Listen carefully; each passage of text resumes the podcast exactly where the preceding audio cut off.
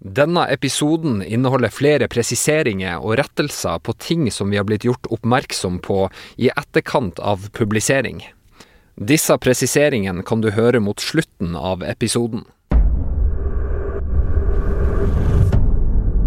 Jeg kommer aldri til å innrømme noe som jeg ikke har gjort. Til syvende og sist så vil sannheten seire.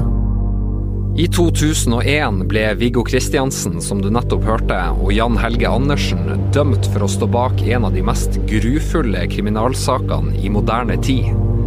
Året før ble nemlig åtte år gamle Stine Sofie Sørstrøen og ti år gamle Lena Sløgedal Paulsen funnet voldtatt og drept i turområdet Baneheia i Kristiansand. Etter at saken ble gjenopptatt i februar i år, så har Oslo-politiet starta en ny etterforskning, og snart vil vi få vite om saken igjen skal gå for retten, eller om Viggo Kristiansen blir frikjent og et av tidenes justismord er et faktum. Du hører på Krimpodden, og jeg heter Håvard Christoffersen Hansen.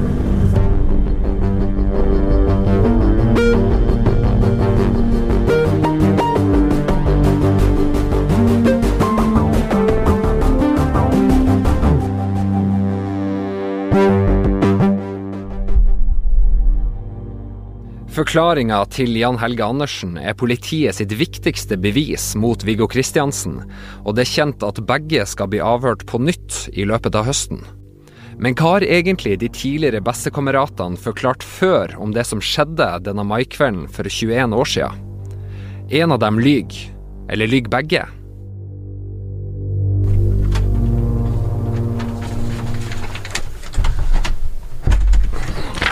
Ok, Øystein. Da har vi eh, fått lest oss opp her på forklaringen til eh, både Jan Helge Andersen og Viggo Kristiansen, som de har eh, avgitt til eh, politiet og i retten.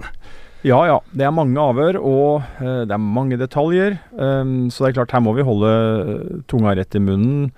Håvard, men vi har jo jobba med disse avhørene og denne saken nå eh, ganske lenge etter hvert. Så vi begynner jo å få en bra oversikt, vil jeg si. Ja, det er mye vi kan ta for oss her, men vi har da valgt å fokusere på det vi mener er det mest relevante. Så eh, skal vi forsøke å ta det kronologisk. Så hvis vi da starter med politiets rundspørring, hvor de prater med begge to den 22. mai i 2000, altså tre dager etter at jentene har forsvunnet. Hva er det som kommer fram her? Eh, Det er da sånn at politiet alltid foretar sånne rundspørringer eh, når det har skjedd noe, eller i hvert fall veldig ofte så gjør de det når det har skjedd alvorlige kriminelle handlinger. Det er for å samle informasjon eh, om alle som har oppholdt seg eller bor i nærheten av det stedet hvor, hvor det har skjedd noe. Og det var jo sånn disse to gutta, kameratene, bestevennene, kom inn i denne saken. De ble oppsøkt, helt riktig som du sier, 22. mai, og da har det altså gått eh, tre dager siden drapet. Dette var på mandag hvis jeg husker riktig. Og, og da blir begge to spurt eh, ganske sånn overfladisk om hva de gjorde den fredagen hvor jentene ble drept. Og da svarer eh, eh, Viggo Kristiansen at eh, Andersen, altså Jan Helge Andersen, kom hjem til han klokka halv åtte. Altså når vi sier hjem til ham, så er det i denne bua som vi har snakka om mange ganger. Og så sier eh, Jan Helge Andersen nesten det samme. Han sier at han kom til Viggo Kristiansen ca. klokka 20. Og så blir jo da eh, begge innkalt eh, til avhør som vitner. Og hvorfor var det politiet i utgangspunktet tenkte at det var hensiktsmessig å prate med Viggo Kristiansen og Jan Helge Andersen på dette tidspunktet?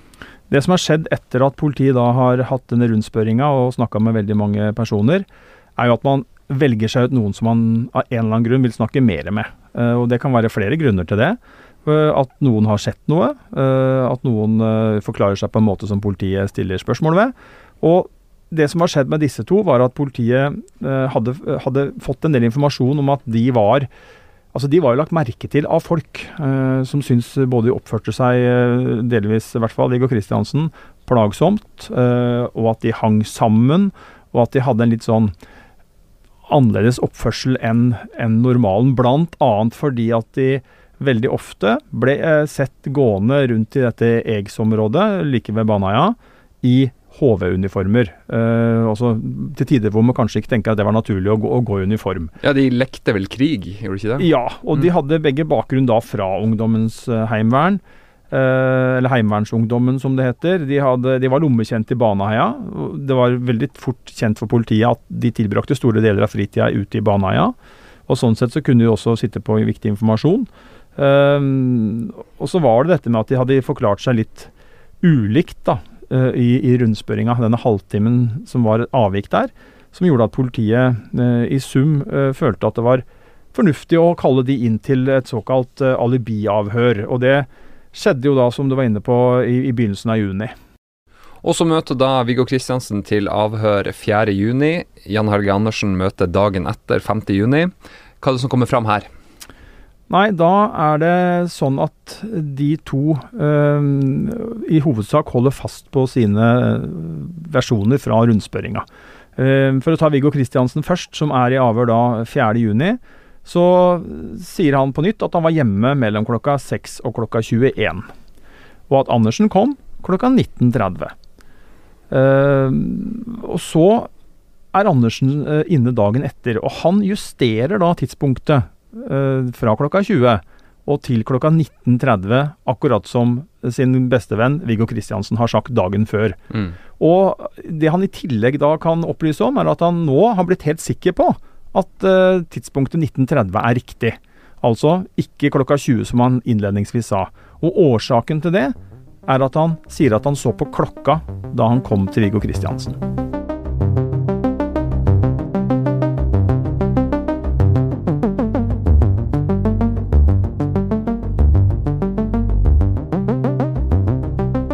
Under disse alibiavhørene av eh, Viggo Kristiansen og Jan Helge Andersen, eh, da henholdsvis 4. og 5. juni, så blir politiet introdusert for det som beskrives som en mistenkelig person, kalt for Elvis. Hva går det ut på?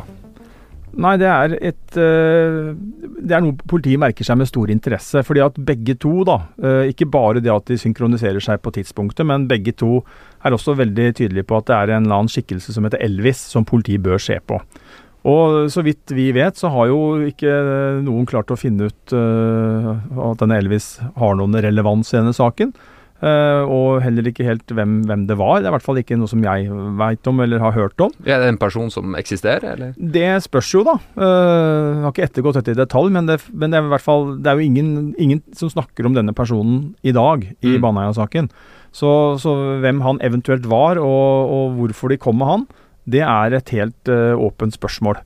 Um, så er det det å si at uh, de synkroniserte seg, som jeg var inne på, veldig fra klokka 19.30 og uh, da tidspunktet og dette med denne Elvis. Men så er det også et avvik som dukker opp i disse to avhørene her.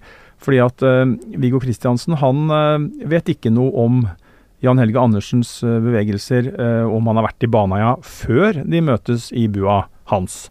Mens Jan Helge Andersen han forteller da i dette alibiavhøret at han har vært ute og løpt i Baneheia. Han starta rundt klokka 18.15 fra Svartkjønn. Det er denne bommen, altså inngangen til Baneheia, som en del eh, nok kjenner igjen mm. eh, fra bilder og, og TV. Eh, men at han da løper i retning Bærvatn, og det er i stikk motsatt retning av det tredje stampe og åstedet. Så så han, eh, han, han, plasserer seg da inn i Baneheia, men han gjør det da på én, et tidspunkt som ikke samsvarer med når drapene skjedde, og to, i en annen retning eh, enn en åstedet. Og så blir han jo også konfrontert med hvorfor var han der på en fredag? Fordi han trente jo med HV-ungdommen, og de pleide jo da å trene på onsdager.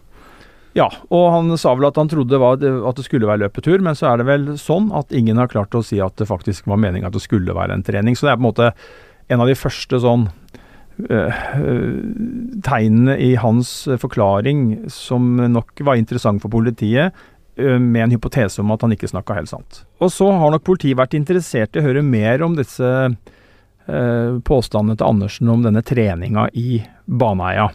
For han er innkalt Han ble innkalt til et nytt vitneavhør 4.7, og da er nettopp dette med treningsrutiner og HV-ungdommen et tema. Og Da sier Andersen at HV-ungdommen trener hver onsdag og fredag, og at de løper i Baneheia på onsdager. Da møtes de på denne parkeringsplassen ved Svartkjønn, men på fredager da møtes de ved Gimlehallen. Og Der trener de styrke eller løper i terrenget. Uh, og så pleier det ikke bli noen treninger på fredager dersom treneren ikke kan. Og det er sjelden de løper i Baneheia på fredager, men at det av og til skjer. Og så sier han grunnen til at han da dro til Baneheia og ikke til Gimlehallen denne fredagen, var at sykkelen hans var punktert. Og da tenkte Andersen, sier han, at han heller fikk møte opp i Baneheia, ta en sjanse på at kanskje det var noen som møtte der for å trene der. Eh, det var det ikke. Og når da de skulle møtes klokka seks, eh, de fredagene de pleide å trene i Baneheia, og når han var der kvart på seks, og venta til klokka var seks, og venta til klokka var kvart over seks, og det dukka ikke opp noen, og da løp han en tur alene. Som han jo snakka om i dette, denne rundspørringa. Og så ble han igjen da spurt øh, om hvor lang tid denne løpeturen tok, og når han kom til Viggo Kristiansen. Og da svarte Andersen at han tok tida på løpeturen med klokka si, og sa at øh, han kom inn i hagen til Viggo Kristiansen tre-fire minutter før klokka 19.30. Men sånn det kan fremstå, da, og, og dette blir også eh, påpekt både i dommen og i eh, rapporten til eh, gjenopptakelseskommisjonen, så kan det jo virke som at de kan ha planlagt og samkjørt ei forklaring? Ja, politiet i fall, hadde i hvert fall det som en hovedhypotese, og har jo holdt fast på det hele veien. Så blir det jo veldig spennende å se nå hva som skjer videre. Vi vet at det pågår en etterforskning her i Oslo mens vi sitter her og og snakker sammen om denne saken, og at det kan komme helt uh, si, Det kan komme nye opplysninger, det kan komme andre vurderinger av, av, det materialet som ligger der fra før. Men i hvert fall det politiet holdt fast med, med på den gang da, var jo, var jo nettopp det at, uh, at de, de så, mente at dette var klare tegn på at de hadde avtalt hva de skulle si, og at de ga hverandre et alibi. Fordi at, som jo ikke er noen hemmelighet, politiet mener at begge de to var på åstedet, og at begge de to begikk drapene. Mm. Og så blir jo begge avhørt 14.07, og da kommer det jo fram at begge endrer forklaring. Ja, da har eh, Viggo Kristiansen møtt en uh, mann som han kjenner, som har vært knytta til en fritidsklubb, hvor, uh, hvor Kristiansen også har vært involvert. Og, og, da har denne fritidsklubblederen sagt til Kristiansen at han, han så dem i Uh, utafor uh, Svartkjønn, eller, eller, lekeplassen uh, utafor bommen der, mm. den kvelden jentene blir, uh, ble drept, og, og spør og, sa, og, han sier også at han har, har sagt det til politiet. og så blir, som du sier, Håvard, både Jan Helge Andersen og Viggo Kristiansen kalt inn til avhør, og da har nok politiet fått informasjon fra dette vitnet, som jeg tror også sitter i avhør faktisk den dagen, men man har kanskje da Eh, fått vite på forhånd hva han hadde å mm. si til politiet. I mm. uh, hvert fall, da. Uh, uansett så, så um, sier Viggo Kristiansen uoppfordra i avhøret at, at jo, han er nå klar over at han, uh, at han må endre uh, forklaringa si når det gjelder hvor han var og hva han gjorde. Ja, for han sier det jo uoppfordra. Ja, ja. Mm. men da fordi at han har blitt klar over at denne fritidsklubblederen Uh, har gjort han oppmerksom på det, på det, og at han, denne fritidsklubblederen også har sagt til Kristiansen at han har fortalt det til politiet. Så når Kristiansen kommer i avhør, så vet jo han sannsynligvis at politiet vet at den forklaringa han har gitt tidligere, ikke kan uh, stemme helt.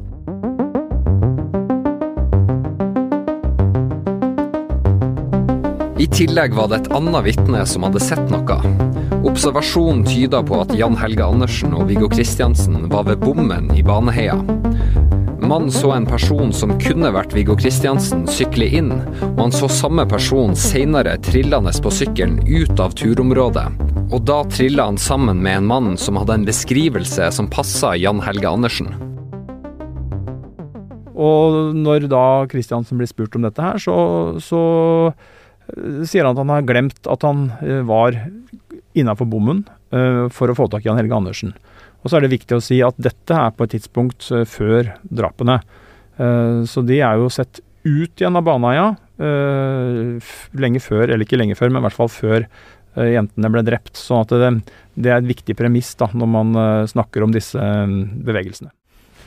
Og så er jo Andersen også et avhør da den 14. juli og blir jo spurt om de samme tinga. Og han um, avviser, holder fast ved, at han ikke har vært innafor bommen.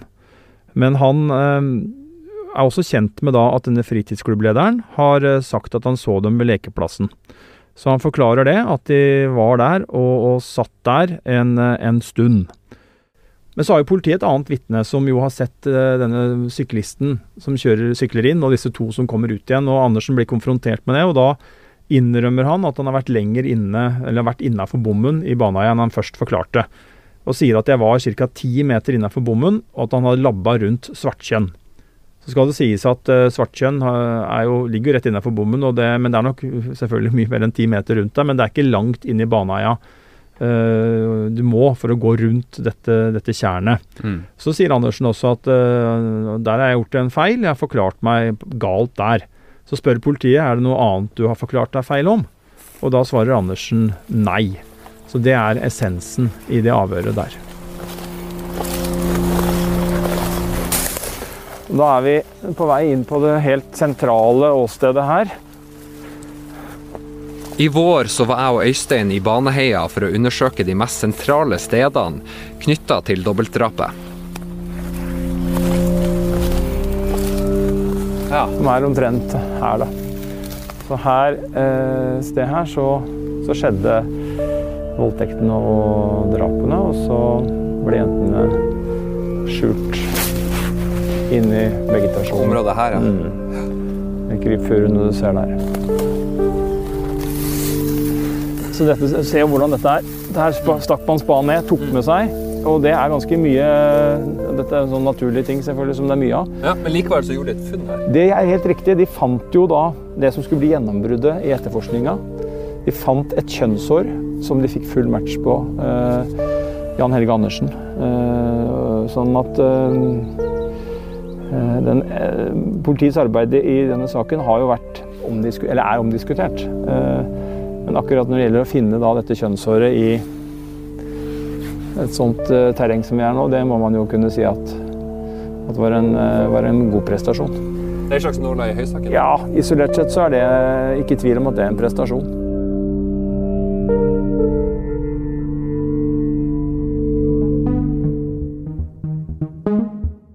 Funnet av kjønnshåret fører til et gjennombrudd i etterforskninga, og fire måneder etter drapene 13.9 blir begge pågrepet, sikta og tatt inn til nye avhør. Jan Helge Andersen tilstår og forteller at begge er skyldige. Og det som skjedde denne dagen, det har jo da politiet fått mye kritikk for eh, i ettertid. Ja, og da er det jo særlig det som skjer før eh, avhøret av uh, Jan Helge Andersen offisielt er i gang. For da blir jo han eh, brakt inn i avhørsrommet og har da en samtale med mannen som uh, avhører han, og blir fortalt at uh, politiet vet at Jan Helge Andersen, altså vi vet at du er en av gjerningsmennene, for vi har funnet et, har et DNA-funn, altså dette kjønnsåret som, som, vi har vært inne på før. og får også beskjed om at det er noen fordeler ved å legge kortene på bordet. Og så står det i denne rapporten at Uh, Andersen ble dessuten spurt om han selv kunne være et slags offer i saken. I den forstand at hans beste kamerat Viggo Kristiansen kunne ha vært den mest aktive på åstedet. Da jeg kom inn på dette emnet, så var det tydelig at Andersen fikk noe å tenke på. Vi snakket litt frem og tilbake om Andersens og Kristiansens forhold. Det var ikke tvil om at Kristiansen var den sterke og den som bestemte. Jeg spurte hva Andersen jeg spurte så om hva Andersen hadde gjort på åstedet.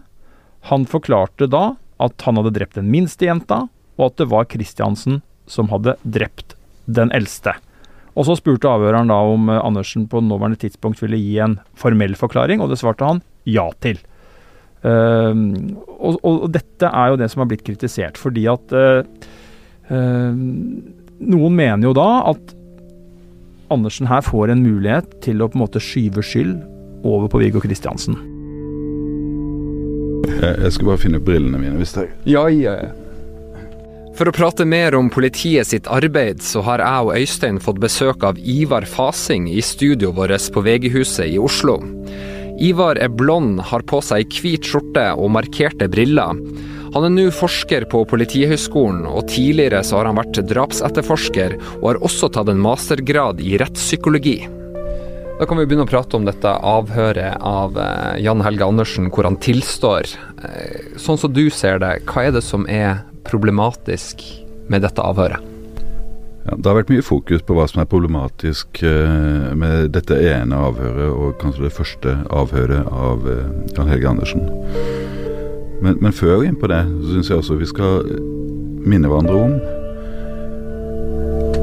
at Jan Helge Andersen avga en tilståelse som i hovedtrekk har blitt bekreftet eh, av sporene i saken, og som har ført til dom i to rettsinstanser etter dette. Eh, I tillegg, så langt vi vet, så står Jan Helge Andersen fortsatt inne for denne tilståelsen. Det, det er et faktum som jeg syns nærmest har druknet i, i gjenopptakelsessaken. Som jeg syns på en måte krever en viss uh, fokus. Tilståelsen kom før forsvareren var til stede. Dermed så kommer den også egentlig strengt tatt før avhøret er i gang. Men akkurat det at Eh, forsvareren ikke var til stede. Hvordan var regelverket rundt det på den tida?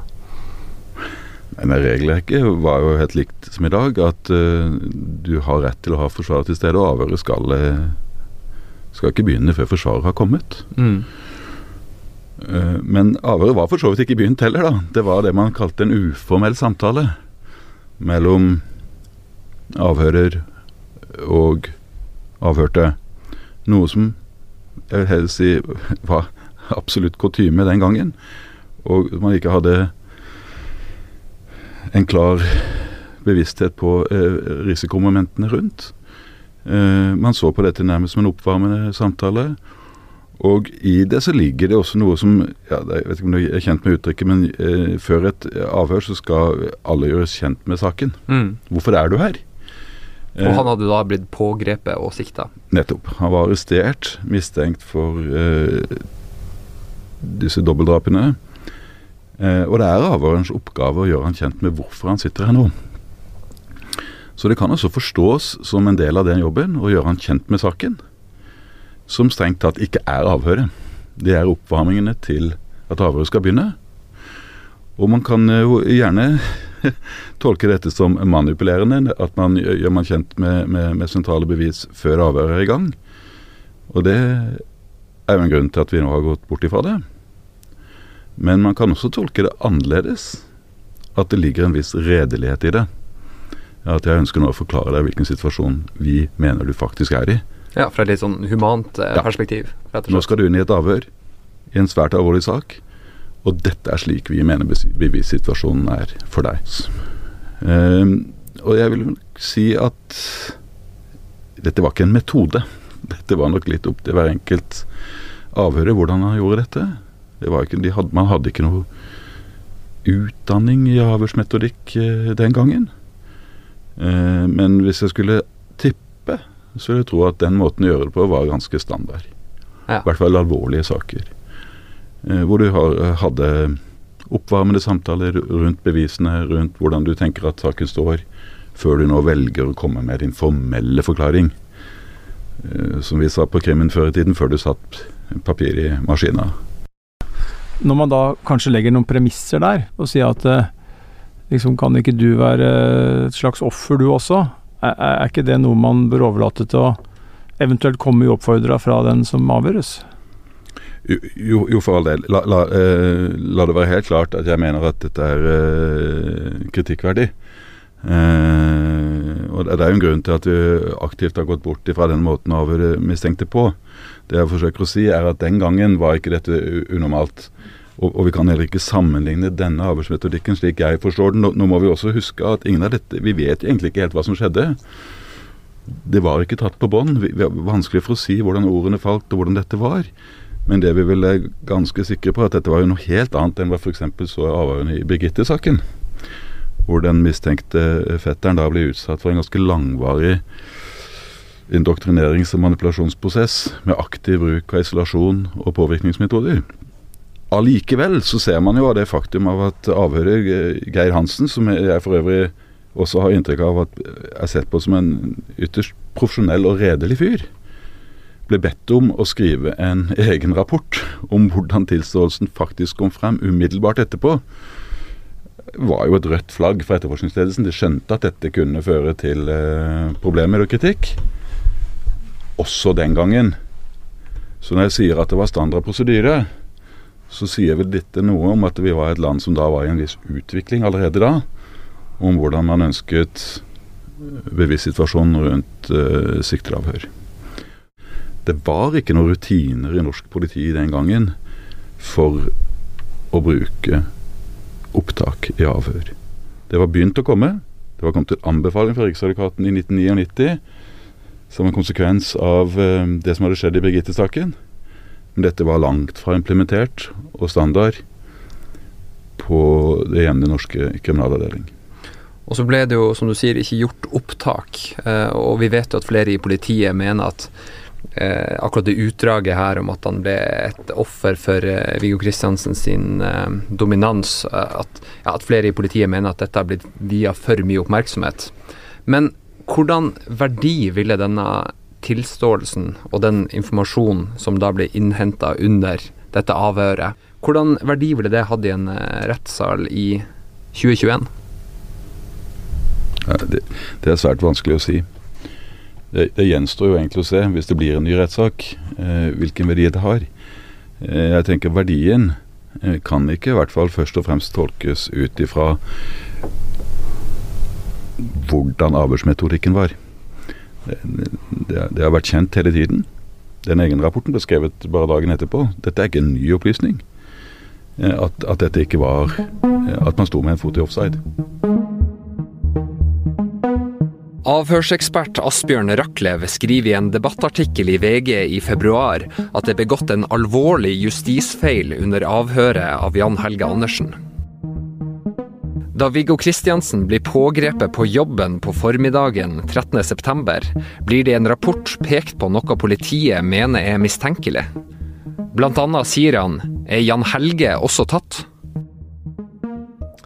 Ja, og, og det, det, er jo flere måter å se det på. Og så må vi tenke at hvis vi uh, Vi vet jo at disse to uh, har vært i politiets søkelys og føler seg sett på. Uh, og har jo begge to avvist at de har vært i Baneheia.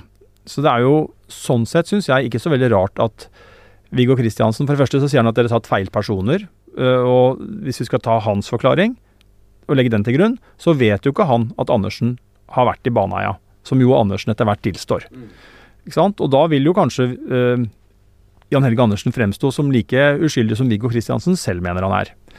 Uh, og så er jo spørsmålet da er Jan Helge også tatt? Ja, det er jo ikke så rart. De to har jo blitt, som jeg sier, spurt ganske grundig og vært i avhør samtidig og fått de samme spørsmålene.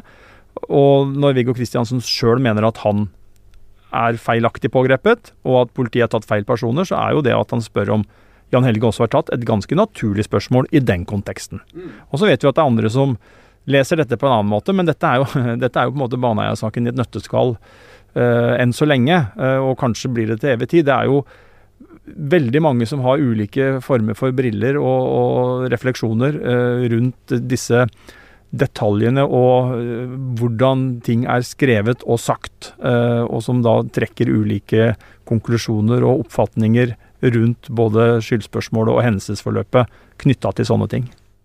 Men på dette tidspunktet, og nå er vi altså kommet til eh, september i år 2000, hva sier Jan Helge Andersen om selve drapene og voldtekten? Etter hvert så knytter jo han seg til eh, drapet på den yngste jenta, som han sier, og påstår at Kristiansen drepte den eldste.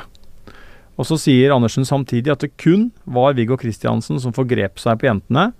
Uh, og så, som vi har holdt fast ved og må holde fast med, Viggo Kristiansen sier jo at han aldri har vært i Baneheia uh, i denne forbindelse, og aldri verken begått overgrep eller drap på noen av jentene.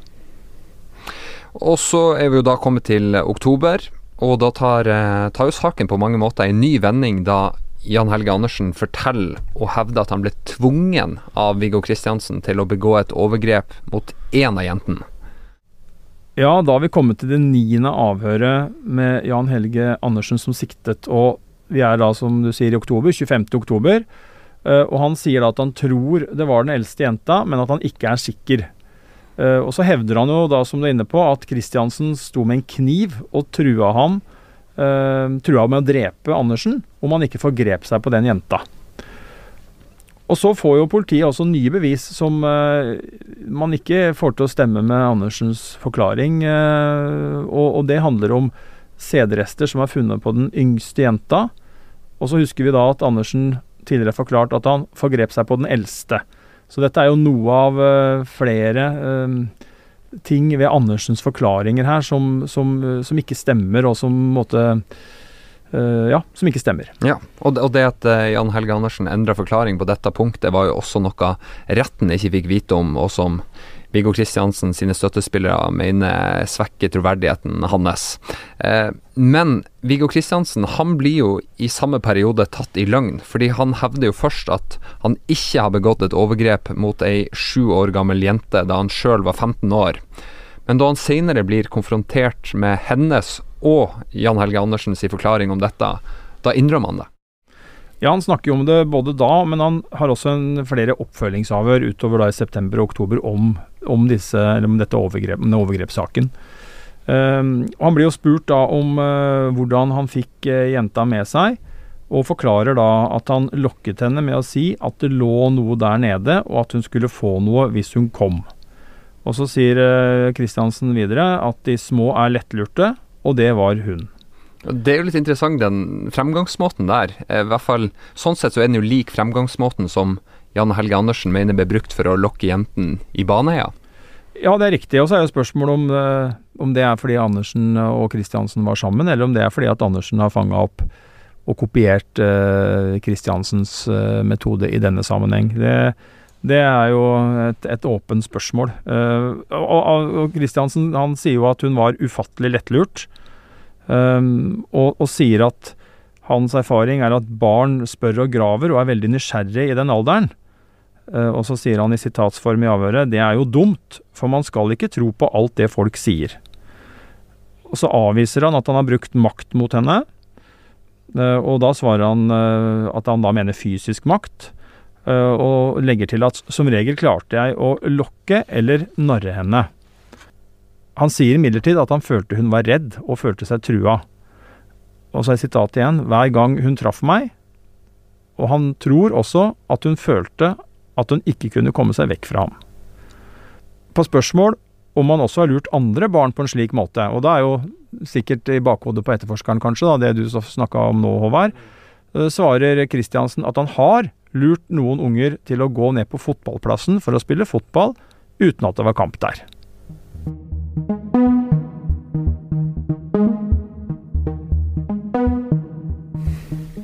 Viggo Kristiansen ble dømt både for overgrepet mot jenta og for et overgrep mot en gutt som var fem-seks år gammel. Han ble i lagmannsretten frikjent for overgrepet mot gutten fordi han var under den kriminelle lavalder på 15 år da det skjedde, men i en senere rettssak ble han dømt til å betale erstatning. Viggo Kristiansen og Jan Helge Andersen var bestekamerater, og ble nesten alltid sett sammen på fritida. Og Politiet var jo opptatt av forholdene mellom disse to, eh, og det ble det jo snakka en del om i disse avhørene i denne perioden. Ja da, det blei både vitner og, og, disse to ble jo spurt om eh, relasjonen mellom dem. Og det var jo et veldig tydelig bilde av at Viggo Kristiansen var den førende, eh, og at han var sjefen. Det sa vitner, og det bekrefta jo også Viggo Kristiansen når han kom i avhør uh, da etter pågripelsen.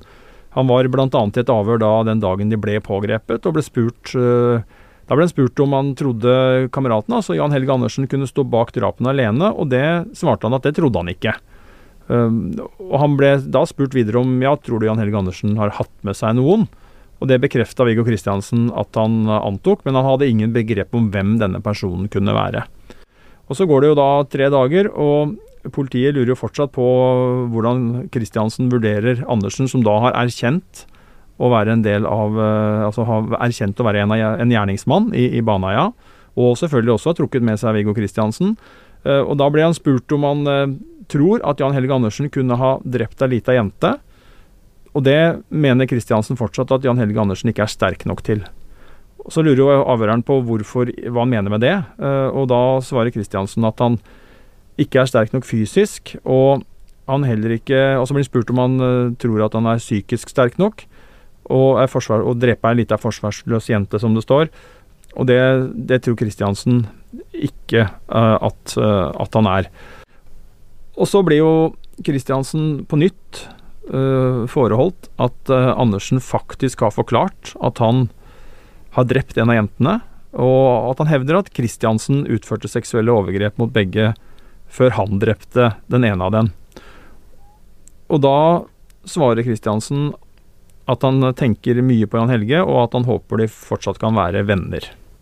Men dette bildet om at eh, Jan Helge Andersen var en etterdilter, eh, omtrent uten meninger, det er jo ikke Viggo Kristiansen eh, sine støttespillere helt enige. Andersen han var jo bl.a. fysisk større enn Viggo Kristiansen, og han var jo også lagfører i Heimevernsungdommen.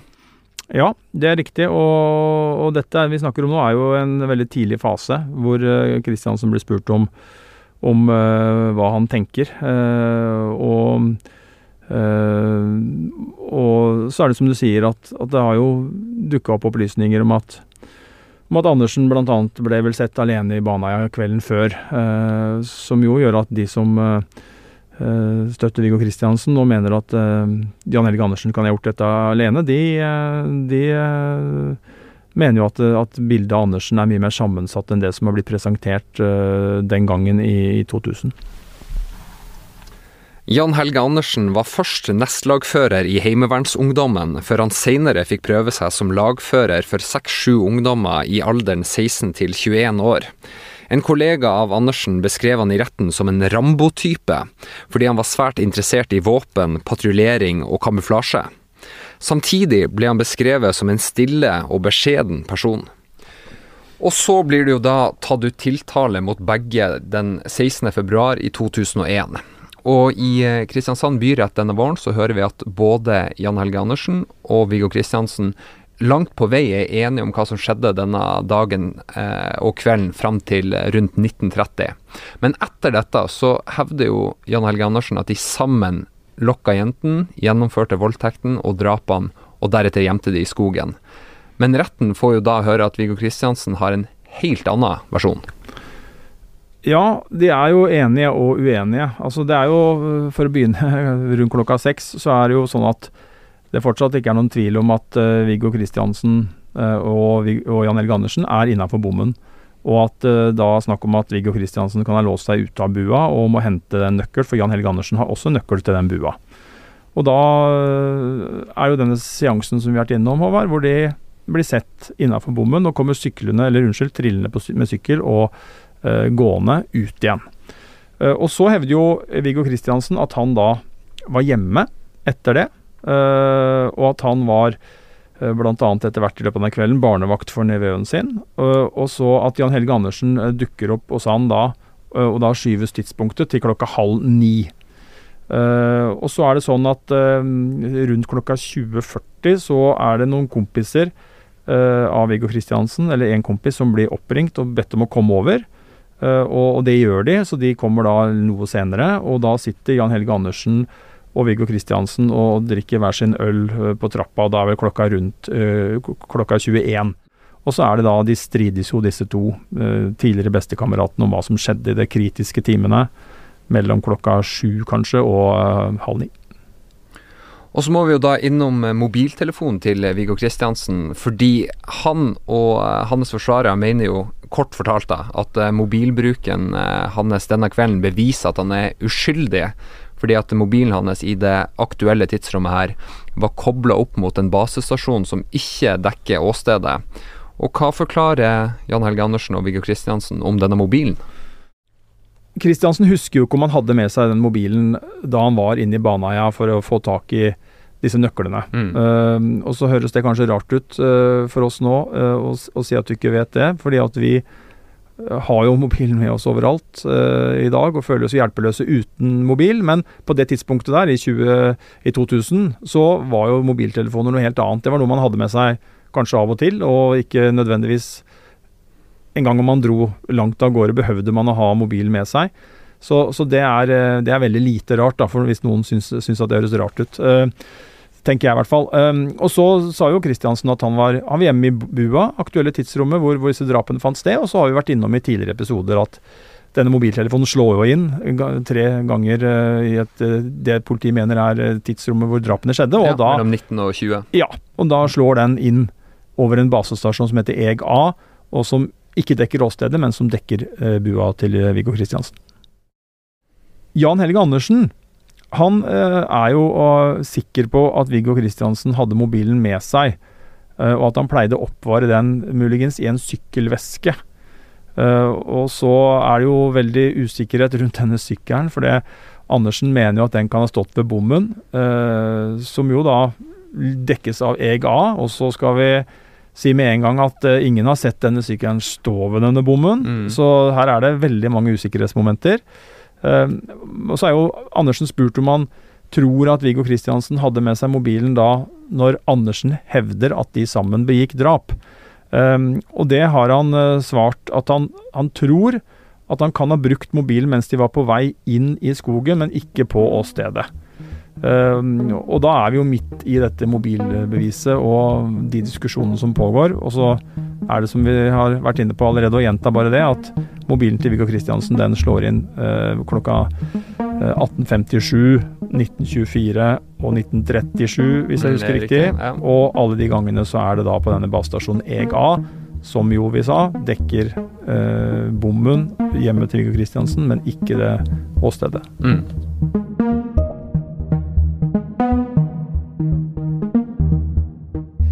Og Politiet mener jo at eh, drapet skjedde en gang mellom klokka 19 og 20, men mora til Viggo Kristiansen gir han jo eh, hva skal man si, en form for et alibi i dette tidsrommet.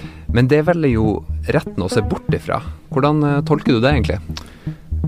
Nei, det handler om at det vel ikke er et 100% sikkert alibi.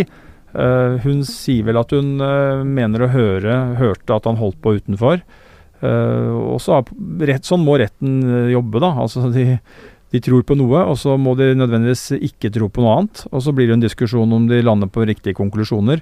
Men hvis man ser det fra Viggo Kristiansen sitt ståsted, så har jo han da, som du helt riktig sier, Håvard, eh, sin egen mor som hevder at hun mente å både å høre at han var utafor hjemmet, altså rundt da denne bua, eller utafor familiens bolig, eh, i det tidsrommet. Og så har vi dette mobilbeviset.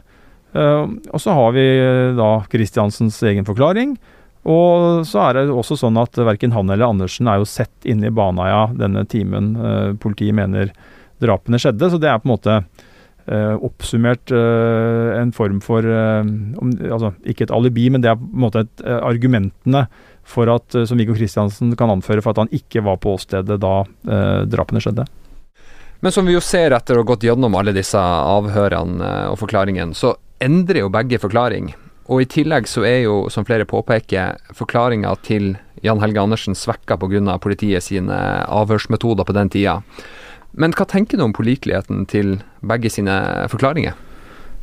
Der tenker jeg det er flere måter å se det på. Altså, Hvis vi tar utgangspunkt i at du ikke har gjort noe gærent, eh, og dagene er ganske like, så kan man vel tenke seg at det å bytte dager, eh, det er ikke så veldig rart. Altså, når var det du Hvis du tar jobbhverdagen din, da, hvis den er ganske lik, og så tenker du når i forrige uke var det jeg eh, gjorde det, eller møtte den, så kan du jo fort eh, ja, blande dager.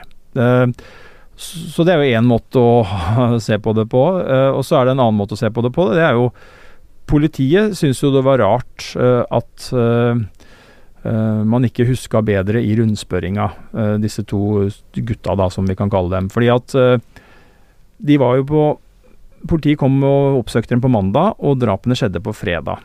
Uh, og så vet man at uh, de begge to visste at de hadde vært i Baneheia og sett på disse leteaksjonene både lørdag og søndag. Og det var også på det hvert, uh, etter hvert så ble det også klart at Viggo Kristiansen og jeg tror også Andersen begge to oppfatta at det skjedde noe på fredag.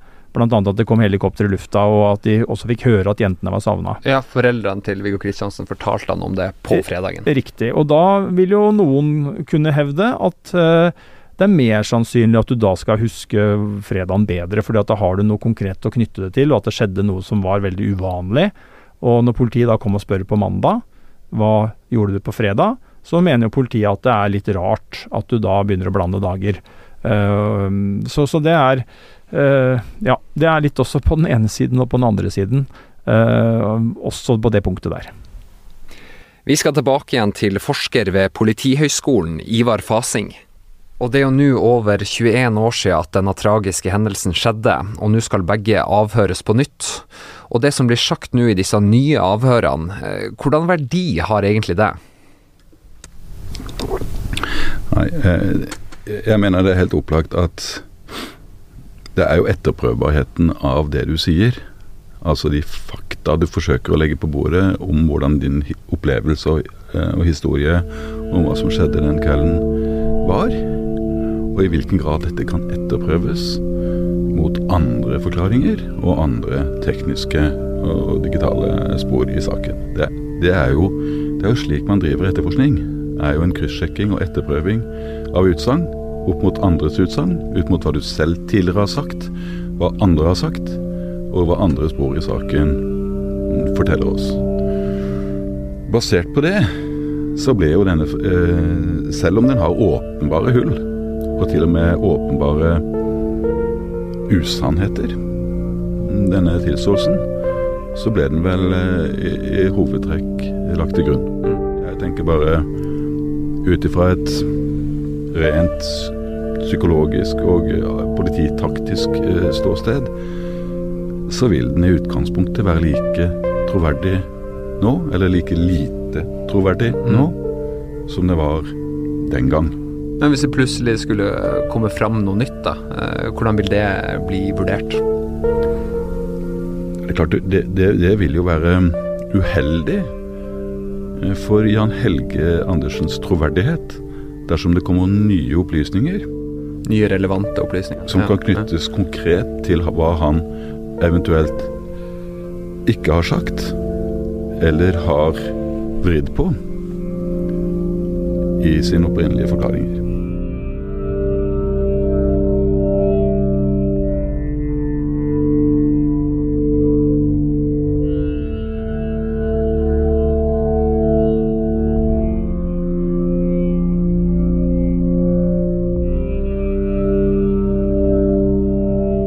De har jo mista noe av det kjæreste en mor kan ha. Men så lenge sannheten ennå ikke har kommet fram, så føler jeg at jeg må ta hensyn til det. I dette intervjuet her med P4 fra 2014 så forteller jo Viggo Kristiansen bl.a. at han har eh, forståelse for at denne stadige oppmerksomheten rundt saken er en stor påkjenning for de eh, etterlatte familiene. Og denne saken her, den har jo blitt omtalt som et nasjonalt traume. Eh, også fordi at det aldri har blitt eh, satt et skikkelig punktum. Men nå, Øystein, eh, 21 år etter så jobbes det jo bl.a. med nye DNA-undersøkelser av eh, Viggo Kristiansen. Eh, sannsynligvis så vil eh, begge bli avhørt nå innen kort tid. Eh, erfaringsmessig og, og, og, basert på det vi vet per nå, hvordan tru har du på ei oppklaring i denne saken? Ja, den som hadde visst det. Um, det er klart at uh, alle håper jo at dette blir en oppklart sak på et tidspunkt. Uh, og nå sitter vi jo her uh, og vet at det har skjedd fremskritt, sånn som politiet i hvert fall ser det, i to andre gamle saker. Mm. Særlig da Birgitte Tengs-saken, hvor det er en siktelse mot en mann på DNA. og så jobber jo politiet i Oslo nå med å Eh, med blanke ark, og de eh, gjør som du sier, eh, de tar nye DNA-prøver av, av, Eller de gjør nye DNA-analyser, får kanskje nye vurderinger. Hva vet vi om det er mulig å få noe mer ut av de prøvene man tok den gang? Om det kan gi oss et svar i den ene eller andre retning. Men, men det er klart, en oppklaring skal vel kanskje noe til, for da må man eh, legge til grunn at det blir et svar med to streker under som ingen kommer til å bestride. Det tviler jeg vel litt på, men det som jo er eh, positivt, er at det er signaler om at man kan få nye, noen nye svar. Og når jeg sier svar, så mener jeg ikke fasit, men at man får flere opplysninger, noe mer å holde fast i, noe som man kan på en måte si at uh, er argumenter da, for at man kan eh, bli tryggere på den ene eller andre løsningen på denne saken. Om, og Det handler jo i utgangspunktet om om det er sånn at Jan Helge Andersen uh, har vært uh, alene om dette, eller om begge har gjort det. Det er jo den, det er den diskusjonen som pågår. Uh, selv om politiet ser på alle muligheter, men det er vel der man jobber. så, så ja, jeg, jeg, velger å tenke at sjansene for at vi får i hvert fall en bedre opplyst Baneheia-sak er til stede, men om full oppklaring, det uh, våger jeg ikke å tro på. Både Jan Helge Andersen og Viggo Kristiansen holder fast ved sine tidligere forklaringer. Andersen sin forsvarer Svein Holden sa dette i et intervju med Krimpodden i sommer i forbindelse med eh, spørsmålet om gjenåpning eh, overfor Kristiansen. Eh, det er jo dels et spørsmål om han har hatt en større rolle i selve saken enn det han er domfelt for. Og da også om han har forklart seg uriktig om Kristiansens rolle i saken. Og sett i lys av det, eh, så mente Oslo tingrett at eh, det var grunnlag for å oppnevne en eh, advokat for Andersen, slik at han kan forholde seg til disse anklagene på best mulig måte. Hva sier han sjøl om det? Han har jo hele tiden sagt at han har forklart seg korrekt om egen og andres rolle i denne saken, og det vil han fortsette å gjøre med dersom politiet ønsker å snakke med han igjen. Har han mer å bidra med enn han hadde den gangen? Jeg skal ikke forskuttere en eh, eventuell ny forklaring fra, fra Andersen, eh, men eh, han vil møte for politiet og besvare de spørsmål som de eventuelt måtte ha. Og tidligere denne uka prata jeg med Viggo Kristiansen sin forsvarer Arvid Sjødin på telefon. Altså, Troverdigheten hans er jo eh, helt topp, for dette den stemmer jo med det som er bevis i etterkant. Det er noen nyanser, og de nyansene vil du finne i enhver som gir forklaring. For så kan en stille spørsmål til alle i Norge og få de til å forklare hvor de var forrige tirsdag. Men det er svært få som vil huske rett på klokkeslett hvor de var osv. Og, så videre, og, så og spesielt ikke hvis de ikke har noe å binde det opp mot. Sånn, at, eh, sånn sett så mener jeg at eh, forklaringen til Viggo er veldig eh, troverdig. Det er elementer som du kan lure på om kommer i forhold til at han er blitt uh, påminnet og husker bestemte tidspunkter og sånne ting, som ofte en gjør mellom personer uten den vet hele det fulle hele bildet. F.eks. om Jan Helge har sagt du husker at du var hjemme hos meg når klokka var halv ni, f.eks., så er ikke det noe en sitter og tenker på. Men en bare sier ja da, det, det stemmer sikkert det, og så blir det det. Sånne ting som det der er nyanser som ofte ligger i politiforklaringer. Og når disse tingene kommer vekk, så vil det være en troverdig forklaring som Jan Helge har gitt. Mm. Nei, som, som Viggo har gitt. Mm. Kan du si noe om eh, hvordan Viggo Kristiansen kommer til å forklare seg i avhørene framover? Han kommer til å forklare seg troverdig og sannferdig. Og innholdet i det vet vel alle, fordi at man vet at han ikke har vært til stede. Etter Krimpodden-episoden som ble publisert 23.9, hvor vi tok for oss de sentrale avhørene i Baneheia-saken, har vi fått inn mange spørsmål og tilbakemeldinger. Dette er en kompleks og omfattende sak med mange dokumenter som strekker seg over 21 år. Forsvarerteamet til Viggo Kristiansen har kommet med flere bemerkninger, og i den forbindelse ønsker vi å komme med noen presiseringer. I starten av episoden nevnes en person som ble kalt for Elvis, som politiet mener er mistenkelig at både Jan Helge Andersen og Viggo Kristiansen forteller om i avhør. Vi har blitt gjort oppmerksom på at Elvis var en person som fantes, og at det var flere enn Kristiansen og Andersen som tipsa politiet om han. I ei formulering kom krimekspert Øystein Milli i skade for å si at Viggo Kristiansen og Jan Helge Andersen synkroniserte sine forklaringer når det gjelder tidspunkt og om den såkalte Elvis.